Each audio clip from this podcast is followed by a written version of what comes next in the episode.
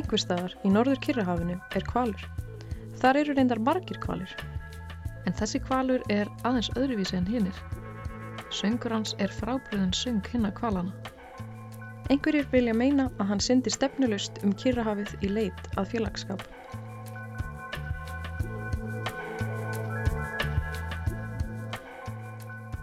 Enginn hefur séð kvalinn og því er ekki vitað á hvaða tegund hann er. Hvort hann er steipireyður eða langreiður, hann gæti jafnvel verið blendingur. Og hefur þessi grunnleysi kvalur verið gerður að einhvers konar táknmynd fyrir einmannalega viðsvegar um heiminn. Hann er sagður vera mest einmanna kvalur í heimi. Kvalir gefa frá sér hljóð af ýmsum ástæðum til þess að komast leiða sinnar, veiða sér til matar, eiga í samskiptum hvort við annan og sumar tegundur kvala eins og hnúfubakurinn, steipureyðurinn og langreiðurinn nota hljóðinn til þess að velja sér maka. Tarfurinn gefur frá sér hljóð sem mælist yfir 180 decibelum og er það hæsta hljóð sem dýr gefur frá sér á jörðinni. Þeir gefa frá sér smelli, remja, imja og stinja og hljómasólitið eins og þokulúður og geta köllin þeirra ferðast mörg þúsund mílur í hafinu.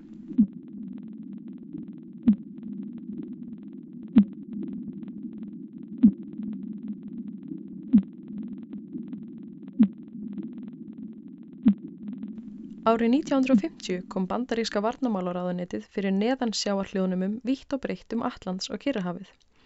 Hljóðnemarnir átt að neyma hljóð frá sovjískum kafbótum og koma upp um þá í kaldastriðinu, en einnig námi hljóðnemarnir hljóð kvala, sem gefa frá sér svipaða tíðni og kafbótarnir. Þegar kaldastriði leiðindir lok veitti bandaríski herin vísendamönnum aðgang að tækjabúnaðinum og gáttu vísendamenn þá farið að fylgjast með ferðum kvala við sverum heiminn. Maður á nafni William Watkins, hljóðsérfræðingur frá Hafrónsóknarstofnuninni Woodshole í Massachusetts var á meðal þeirra sem nýttu sér tækifærið. Hann er talin vera brautriðjandi á sviði hljóðöðlisfræði sjávarspendina. Watkins hafði áður verið í sjóhernum og vissi að hann gæti nota búnaðin til þess að fylgjast með ferðaminstri, hnúfubaka, steipiriða og langriða. Sjóherrin sem hafði mörg ár haft það verkefni að nema hljóð í kafbátum óvinnarins var núna falið að hlusta eftir söng kvala. Þetta var kannski ekki jafn spennandi vinna en hljóðin voru svo send til samstarfshóps Watkins þar sem unni var úr þeim og þau rannsökuð. Watkins uppgötaði svo einstakt og óvand hljóð í norður Kirrahafi árið 1989. Hljóði virtist vera í kval sem var á ferðsinn um hafið. Ferðum hans og hljóðminstri svipaði til steipi og langriða en þessi kvalur gaf frá sér hljóð þá allt annar í tíðni, 52 riðum eða hertsum. Hljóðið er hér spilað á 5-10 földum hraða því að flestir hátalarar geta ekki spila jafn lágt hljóð og kvalurinn gefur frá sér.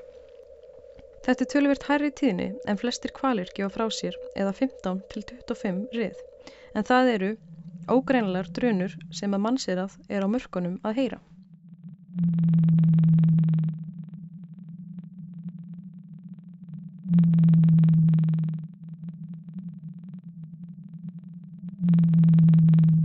Watkins og samstarfshópur hans fylgdust með kvalnum og tóku kljóðin frá honum í mörg ár. En það var auðvelt að fylgjast með honum þar sem einfalt var að aðgræna hljóðin hans frá öðrum kvölum og einni virtist hann alltaf vera einn á ferð. Watkins þurfti ávalt að berjast fyrir því að fá fjármagn fyrir verkefnið en svo eftir árásirnar á tvíburaturnana í september 2001 var verkefninu ekki veitt meira fjármagn. Það náðist þó að vinnaði verkefninu til ársins 2004 og stuttu eftir andlat Watkins sama ár gaf hópurinn út niðurstöðu sínar í rítinu Deep Sea Research. Þar var meðal annars farið yfir hvernig hljóðin voru tekin upp og hvernig rannsóknin fór fram og var þar einnig sagt frá ferðalögum kvalsins, hvernig hann virtist alltaf vera einn og ferð og aldrei mætaður um kvölum. Starfshópsins til mikillar undrunar vakti greinin töluverða aðtikli og var mikið fjallað um kvalin í fréttum. Ógrinni af greinum voru byrtar um kvalin með fyrirsögnum á borð við Einmannalegist í kvalur veraldar. Einstakur söngur þessa kvals hindrar hann í að finna sanna ást. Óendurgoldin ást einmanna kvals. Til er kvalur sem engin annar heyrir í og hann er mjög einmanna. Þetta er það sorglegast í heimi og vísindamenn ættirinn að ná til hans. Kvalurinn var nú orðin að tákmynd einmannaleikans og fekk viðurinnefnið mest einmanna kvalur í heimi. Fólk sá sjálft sig í kvalnum, fann til samkjöndar með honum og byrjaði að yfirfæra eigin tilfinningar og einmannaleika á hann. Margir hugmyndaríkir einstaklingar fóru þá að búa til ymsar sögusagnir um kvalin og einmannleika hans og hann væri fullkomið dæmi fyrir hvert þann sem hefur upplifað það að vera ofskrítin til að vera elskaður. Hann væri aðleitn og yfirgefin svamlandi um í óravít hafsins. Svo hafa margir velti fyrir sér hvort þetta sé kvalurinn sem glifti Jónas og hann sé einmanna því hann sakni hans. Hann sé einfallega í leita nýjum spámanni til að gleipa. En eins og margir líklega vita var Jónas í fornað á áhöfsinni og köstu þeir honum í sjóin til þess að milda reyði Guðs. Guð sendi þá kval til að gleipa Jónas og var hann í kviði kvalsins í þrjá daga og þrjár nætur og baðst fyrir þar til Guð bað kvalin um að spýta Jónasi upp á þurft land. En kvalurinn hefur einni verið innblástur margra fyrir alls konar sköpun. Tónlistaplötur hafa verið tilengar honum, barnalög samin um hann og ímis listaverk einni tilengu honum. Svo var saga hans og myndir skortur á samskiptahefni notuð í auðlisingu fyrir Írst símafyrirtæki. Og svo er auðvitað til Twitter-aðgangur undir nafni kvalsins þar sem hann andmælir því að vera táknmynd og segist einfallega bara vera kvalur. Þá hefur kvikmyndaframlegandin Josh Seaman unnið að heimildarmynd um kvalin frá árunni 2015. Myndinni var komið af stað með hóp fjármögnun og á hún að taka áhörfundur með í ferðalag í leita kvalnum. Við þurfum þó að býða spennt eftir myndinni til þess að komast að því hvort þeim hafi tekist að finna kvalin. Ekki hefur verið gefið út hvenar myndin verði frumsýnd en nýjistu upplýsingar frá framleiðendum gefa til kynna að verið sé að leggja lokahönd á myndina. Sankvæmt þeim er það eina sem tekur lengri tíma en að finna einstakann kval að hljóðblanda kvikmynd um kval með einstakann söng. Ætli þetta sé vísbending um að þeir hafi fundið kvalin. En allt eru þetta jú bara sögursagnir sem eiga ekki við neinn vísindaleg rauk að styðjast. Við vitum í raun voða lítið um þennan kval. Við vitum ekki eins og hvort að kvalir verði yfir höfuð einmanna. Svo þarf auðvitað ekkert endilega að vera samasemmerki á milli þess að vera einn og að vera einmanna. Kristoffer Clark sem hefur mikið rannsakað hljóð kvala og tók einnig upp hljóð 52 riða kvalsins árið 1999 segir að mörg einkennileg hljóð frá kvölum hafi áður verið uppgötuð. Hann segir að suma rannsóknir síni að hópur kvala sem lifa ákveðnum svæðum geti tala sérstaka mállísku. Þegar það er tekið inn í myndina er kvalurinn kannski ekki jafn einstakur og fólk geti haldið. Clark þykir einnig mjög ólíklegt að aðrir kvalir heyri ekki í honum því að þótt hljóðina í 52 eða kvalunum sé svolítið skrítin séu þau að miklu leiti lík þeim sem steipireyðurinn gefur frá sér. Margir vísindamenn eru sammálað því að kvalurinn sé líklega karlkins þar sem tarfarnir syngja til þess að laðað sér maka en því miður hefur 52 riðakvalnum að öllum líkindum mistekist að hinga til. Það þýðir þó ekki að hans sé einmanna þar sem kvalir eru ekki leita sér að lífsförunaut, heldur einungis einhverjum til þess að makast með. Það er þá líklegast að 52 riðakvalurinn sé í verstafalli frústriraður. Hljóðin í kvalnum hafa lækka með aldrinum og síðast þegar þau mæltust voru þau um 46 rið. En það er þekkt meðal kvala á sama hátt og hjá mannfólki. Það er erfitt að ímynda sér að kvalurinn geti mögulega verið eitt sinna tegundar í óravít hafsins og jafnvel sorglegt, en kannski þurfum við þó ekki að hafa ofmiklar áhyggjur þar sem honum virðist hafa gengið freka vel í lífinu og hefur verið í fullu fjöri allt frá því að fyrst heyrðist í honum árið 1989.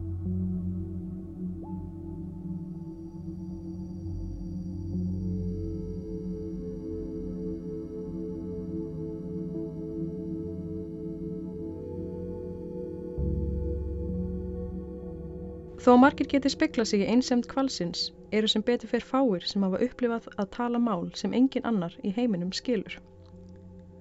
Það þekkjast þó dæmi um slíkt en það er talið að með tveggja veikna millibili degi út eitt tungumál. Þá getur það gerst að einhver standi uppi sem eini mælandin og hafi engan að tala við á sínum máli. Þetta gerðist til dæmis fyrir nokkrum áratugum á lítilli eigu í Bengalflóa.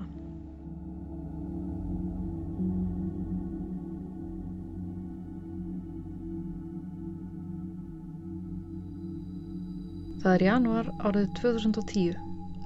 Bóa, sem kalluð er hinn eldri, liggur á spítala á Andamaneyjum. Hún er 85 ára og veit að hún ekki langt eftir ólifað. Eginmadurinn og allir ættingar hennar eru þegar látnir.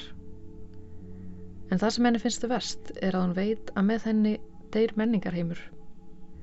Með henni deyr heilt tungumál. Hún er svo síðasta af bóættbálnum og svo síðasta í heiminum sem talar aka bó. ಯಾವಾಗ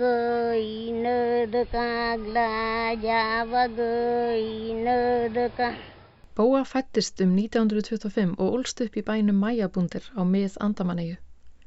Eian er einn 572 eiga í Andamanegjaklasanum en aðeins er byggð á 37 eigum. Eiaklasin er í Bengalflóa, milli Mæjanmar, Tælands, Indonési og Indlands en eigarnar til er að Indlandi. Andamaneyjar státa af tilkomi miklum kóralrifjum og síkrænum hæðum, auk fjölskrúðugs lífríkis sem er að stórum hluta órannsakað. Móðir Bóu hétt Tó og var af áðurnemdum Bóættbólki. Fadir Bóu hétt Renge og var af Jéróættbólknum sem einni er nú dáin út. Bóa lærði að tala bæði tungumál fóraldara sinna, Aka Bótungumálið, en Aka er forskiti fyrir tungumál, og Aka Jérú. Bóa giftist ungu manni af ættbólki föður hennar, Ná að nafni.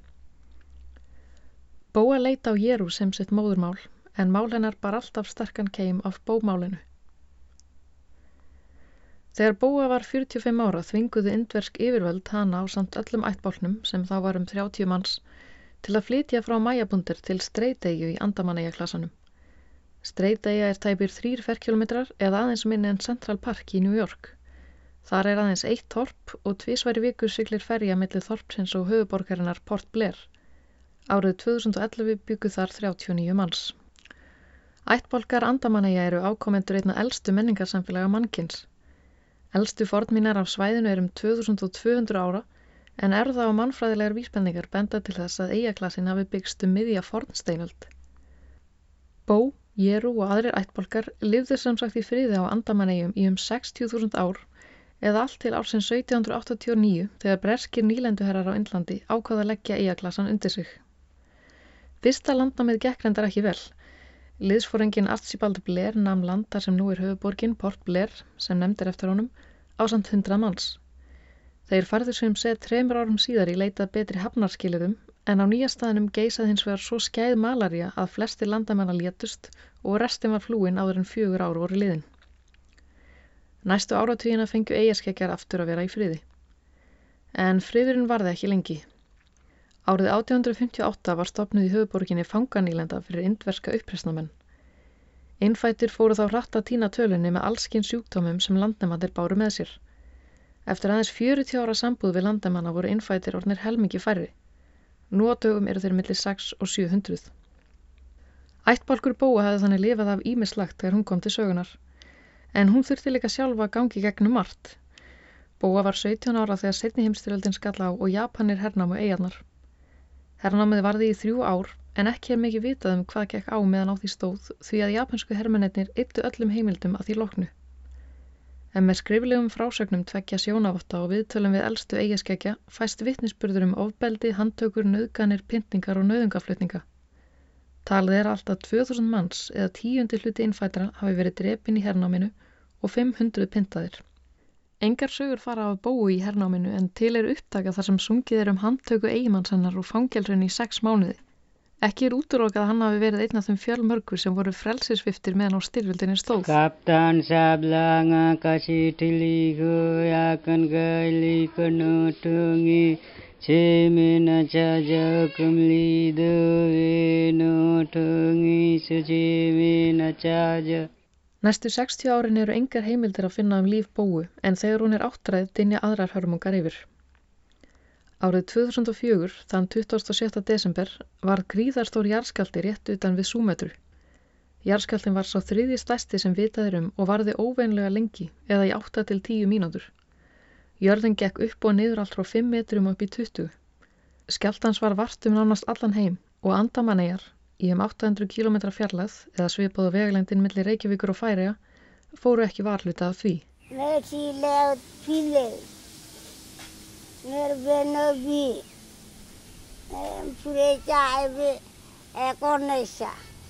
Til er upptaka þar sem Bóa lýsir upplifun sinni af hörmungunum.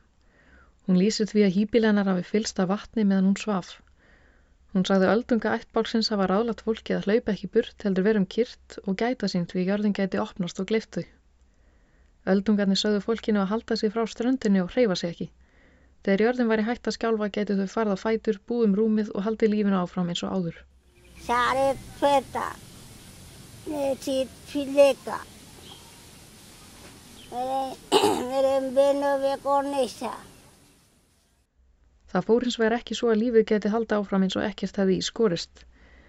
Nokkrum klukkustundum síðar skall tsunami flóðbylgja á eigaklassan án þess að hafa gert nokkur bóð á undan sér. Bylgjan náði alltaf 10 metra hæð og ferðaðist 800 km á klukkustund. Eðileggingin var gríðarleg og talið er að um 7000 manns á andamannegjum einum hafi týnt lífi. Af þeim er rúmlega 5000 enn saknað. Alls létust um 230.000 í 14 löndum og er þetta því talin eitt bannvænasti jarðskjálti sögunar. En hinn 80 ára búa lifði þetta allt saman af með því að klifra upp í tré. Fjórundögum síðar gauð síðan eldfjall á eigu rétt utan við eigaklassan. Kosi varði í kjölfar jarðskjáltans og flytja þurfti íbá á andamannegjum í örugt skjól. Allir sluppu þeir þó heilir. Bóa gekk þannig í gegnum ímislegt að langri æfi og væri óskandi að fleiri heimildir hefðu varðveist um líf hennar. Hins vegar höfðu fáir áhuga á minningum hennar og þekkingu fyrir en að henni látinni. Þá fyrst áttaði fólk sjá að hún var síðasta tengingin við ævafornan menningarheim. Bóa var svo eina sem myndi ennþá gömlu söngva ættbálksins og einni sögur sem hefðu gengið mann fram af manni. Vandin var að síðustu ár æfinar hafði hún engan að deila þessum sögum með. Eftir að fóreldra bói létust var hún eini mælandi bó í 30 til 40 ár. Engum sögum fer af aftrifum eigimanns hennar og heimildum ber ekki saman um hvort þau hafi verið barðlaus eða hvort börnin hafi dáið ung. Bóa var þess vegna mjög einmanna. Oft sást hún tala við fuggla á móðumáli sínu en það trúði hún að fugglatinn væri forfeður hennar og að þeir skildu hana.